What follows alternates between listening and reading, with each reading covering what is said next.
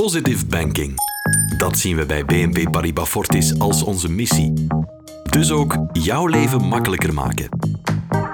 Maar waarmee kunnen we concreet helpen? Om dat in kaart te brengen, hebben we ons oor te luisteren gelegd bij meer dan duizend Belgen. Wat zijn de grootste vragen over geldzaken? En wat de grootste bezorgdheden? Dat weten we nu.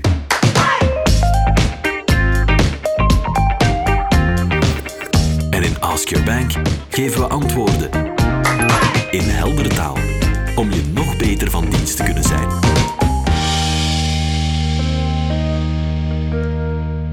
Hallo en welkom bij Ask Your Bank. Een podcast waarin experts van BNP Paribas Fortis duidelijke antwoorden geven op de belangrijkste geldvragen die de Belg zich stelt. Ik ben Elke van Mello en ik bespreek in elke aflevering zo'n geldvraag met Martijn de Hane van het marktonderzoeksbureau Profact. Dag Martijn. Dag Elke. We hebben telkens ook een expert van de bank te gast en vandaag is dat Philip Bolle. Hallo, dag Elke. We gaan meteen over naar de vraag van vandaag. En dat is er een die zowel ouders als grootouders zich stellen. Hoe praat je met je kinderen en kleinkinderen over geld? Mensen willen dat hun kinderen de waarde van geld kennen en op een verantwoorde manier met geld leren omspringen. Maar hoe pak je dat het best aan? En hoe ga je het gesprek aan over sparen en beleggen?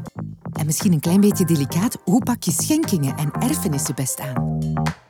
Martijn, jij werkte mee aan de enquête voor BNP Paribas Fortis en dus jij weet met welke vragen de meeste mensen zitten? Dat klopt. En Filip, jij bent directeur estate planning bij BNP Paribas Fortis, dus jij weet alles over de overdracht van het vermogen naar de volgende generatie. Inderdaad, daar heb ik redelijk wat kaas van gegeten.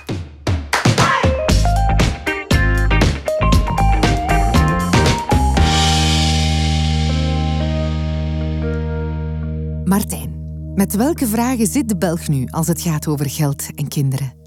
Maar we weten alvast dat het een thema is dat heel sterk leeft. Hè. We weten dat twee derde van de ouders al eens een gesprek heeft gehad over geld met hun kinderen. En we zien in de Ask Your Bank enquête dat de leeftijd waarop dat, dat gebeurt ook telkens opschuift. Hè. We zien dat 70% van de ouders met kinderen onder de 12 jaar Um, dat is zich eigenlijk vragen stellen van ja, oké, hoe moet ik dat gesprek gaan, gaan aangaan? En dat is op zich wel iets heel positiefs, want hoe vroeger dat je het natuurlijk gaat aanpakken, ja, hoe meer dat je kan anticiperen op het later leven en hoe meer dat je daarna nog kan bijsturen. Mm. Even checken, Filip, wat jij ervan denkt, want jij bent onze financiële expert. Heb je zelf kinderen? Ik heb kinderen, nog heel jong, een tweeling van uh, 4,5 vandaag. Oh, oké, ja. maar dat is misschien wel een klein beetje te jong om over geld te praten. Misschien wel, maar ik denk toch van het moment dat ze zes jaar oud zijn, dat we daar toch mee gaan starten, dat ze een beetje meekrijgen van wat is de waarde van geld. Ah, toch, ja. Martijn, heb jij kinderen? Ja, die van mij zijn vier en twee en ik herken het wel, het meegeven van de, de waarde van het geld. Als mijn oudste, als er koekjes op zijn en die vraagt, ja papa, ga je in de winkel nieuwe koekjes kopen? Dan probeer ik hem toch uit te leggen dat papa daar centjes voor moet in de plaats geven en dat dat ook niet zomaar gaat. Ja, en waarom is het nu zo belangrijk om daar zo vroeg mee te beginnen? Ja, we weten uit het onderzoek van de Bankenfederatie, van Fabelfin, um, dat er behoorlijk wat werk aan de winkel is aan de financiële opvoeding van, uh, van jongeren. Hè. Als we gaan kijken naar de groep tussen 16 en 30, hè, dan zien we dat die eigenlijk maar gemiddeld 4,5 op 10 scoren op financiële educatie. Hè. En wat erger is, ze schatten zichzelf hoger in. Hè. Ze denken dat ze 6,7 op 10 zouden halen op die test. Hè. Dus daar zit toch een, een groot verschil in tussen wat men denkt te weten en wat men effectief weet over financiële zaken. En weten we ook waar de jongeren hun informatie vandaan halen? Ja, dat is eigenlijk in de eerste plaats de rol van de ouders. We weten dat de invloed van de ouders um, op het geldgedrag van kinderen heel groot is. En we weten ook dat kinderen die op jonge leeftijd goed leren omgaan met geld, ja, over het algemeen als volwassenen ook beter rondkomen.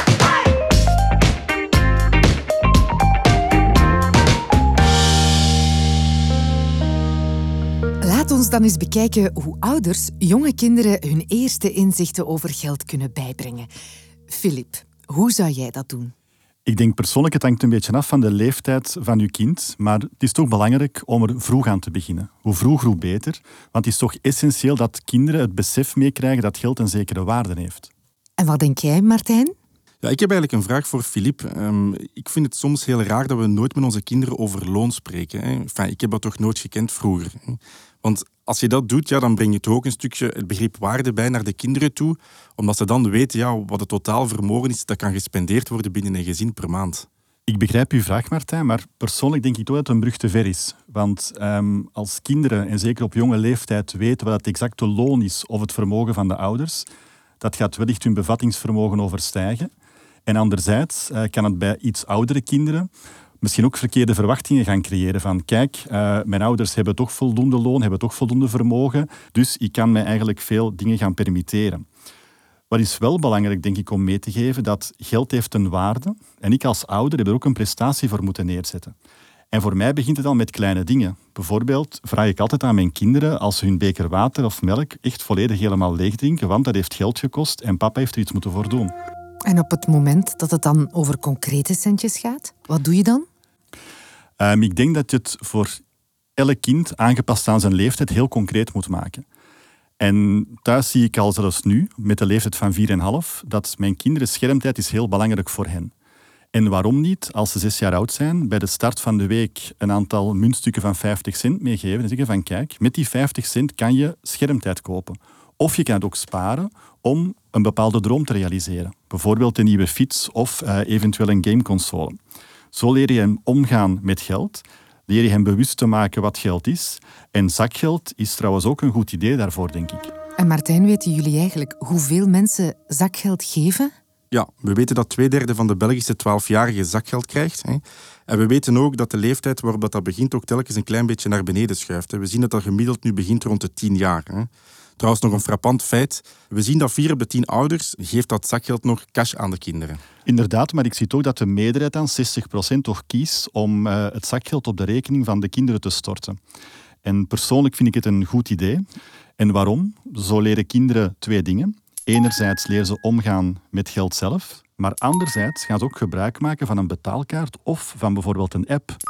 En ik denk het is ook de toekomst, digitaal bankieren, het gebruik van de app. En we hebben ook gezien tijdens corona dat kaarten toch wel het betaalmiddel bij uitstek waren. Dus voor de jongeren is het duidelijk wanneer geld er op de rekening bij komt. Ze kunnen dat ook mooi volgen. Wanneer er geld van de rekening gaat en hoeveel geld ze nog moeten sparen voor bijvoorbeeld de fiets waarvan ze dromen. En ook heel belangrijk, digitale betalingen zijn veiliger. En als ouder, ook wel belangrijk denk ik, kan je de rekening uitreksels opvolgen of via de app zien waar uw kinderen hun geld gaan aan spenderen. Ja, een oogje in het zeil houden dus. Ja, en je kan snel ingrijpen moest het eventueel fout lopen.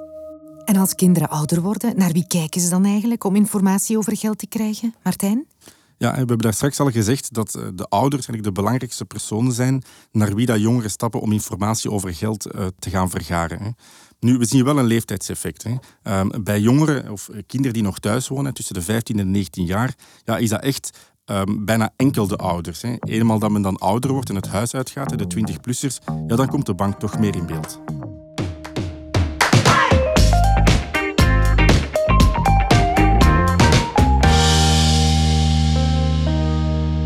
Filip, je hebt een tweeling van 4,5. Nu is het misschien nog een beetje te vroeg, maar hoe ga jij je tweeling op termijn leren sparen? Je werkt natuurlijk zelf bij de bank, maar kan de bank iets betekenen uh, bij dat leren sparen voor de ouders en de kinderen? Wel, ik denk dat elk kind heeft wel een bepaalde droom. En door een kind te leren dat je met kleine wekelijkse of maandelijkse bedragen uiteindelijk iets groots kunt kopen, ga je ook bewust maken van de kracht van het sparen.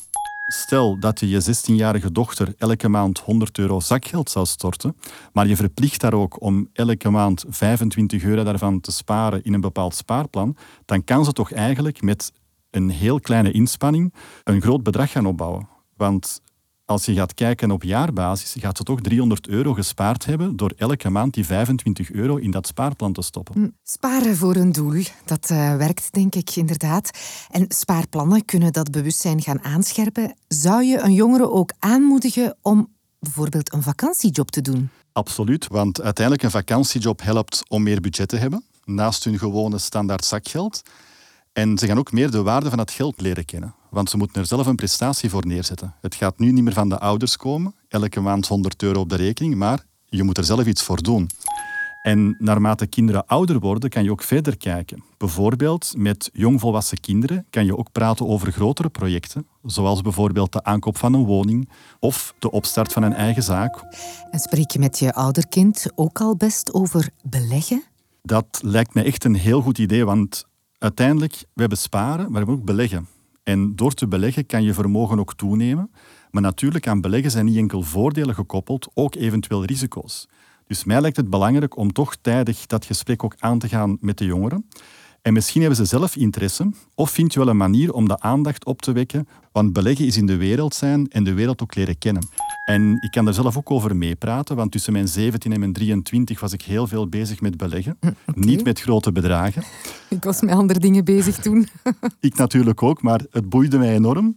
Ehm, en ik heb daar veel over geleerd, want ik moest heel veel lezen en ik wist exact wat er in de wereld gebeurde en waar bedrijven mee bezig waren, wat toch wel boeiend is.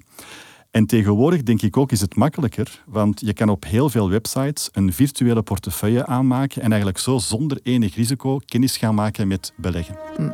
En dan nu misschien het delicaatste onderwerp om op tafel te brengen.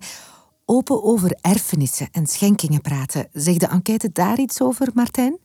Ja, absoluut. Hè. Misschien even starten met schenkingen, want dat raakt natuurlijk aan de bezorgdheid van ja, zullen mijn kinderen voldoende financiële middelen hebben tijdens hun leven om bijvoorbeeld grote aankopen zoals een huis te kunnen financieren. Hè. En het is ook op dat moment dat we zien, hè, op die grote momenten, dat schenkingen het vaakst gebeuren, natuurlijk als ouders daar de financiële slagkracht voor, uh, voor hebben.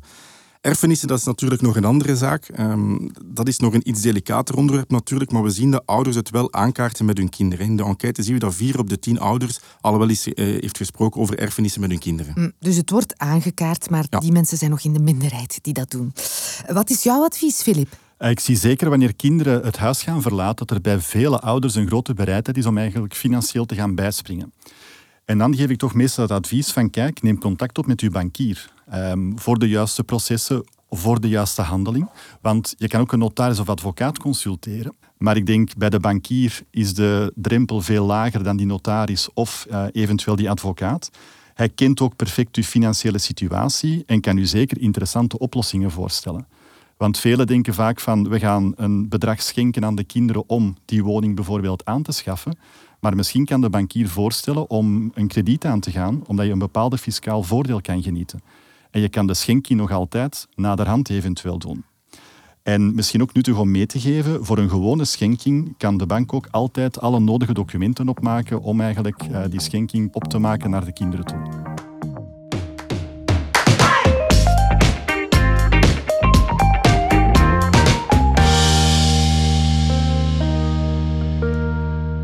Zijn begonnen bij zesjarige kinderen en we eindigen bij kinderen die gaan bouwen. Zo snel kan het dus gaan. Ik onthoud vooral dat het belangrijk is dat je kinderen bewust maakt van de waarde van geld. Dat dat al kan vanaf een jaar of zes. Leer je kinderen ook sparen om hun dromen te realiseren. Een betaal- en een spaarrekening helpen kinderen en ouders om het overzicht te behouden. En durf ook praten over beleggen en informeer je tijdig over schenkingen. Wat zijn jouw belangrijkste conclusies, Martijn? Ja, wat mij toch vooral bijblijft, is dat kinderen en ouders echt vragende partij zijn om over financiële zaken te spreken. Hè. Dus dat taboe is echt aan het wegvallen. Hè. Nu, langs de andere kant zien we wel een kloof tussen ja, wat dat jongeren denken te weten over financiën en hetgeen dat ze effectief weten. Hè. En dat is toch niet zo goed. Hè. Maar ik ben het volledig met jou eens, Martijn, want uiteindelijk, mijn conclusie is ook, praat tijdig met je kinderen over geld. En ik zou zeggen, hoe jonger, hoe beter. Maar pas het natuurlijk wel altijd aan aan hun concrete leefwereld. Leer ze dat geld niet zomaar uit de muur komt, maar effectief een waarde heeft en ook dat de ouders daarvoor een prestatie moeten voor leveren. En leer ze sparen door doelbewust te sparen voor dingen waar ze concreet van dromen. En durf ook de challenge aan te gaan met uw kinderen om te praten over beleggen. Die kunnen voordelen hebben, maar ook altijd risico's natuurlijk. En last but not least, weet dat uw bankadviseur altijd klaar staat met goede raad voor elke levensfase.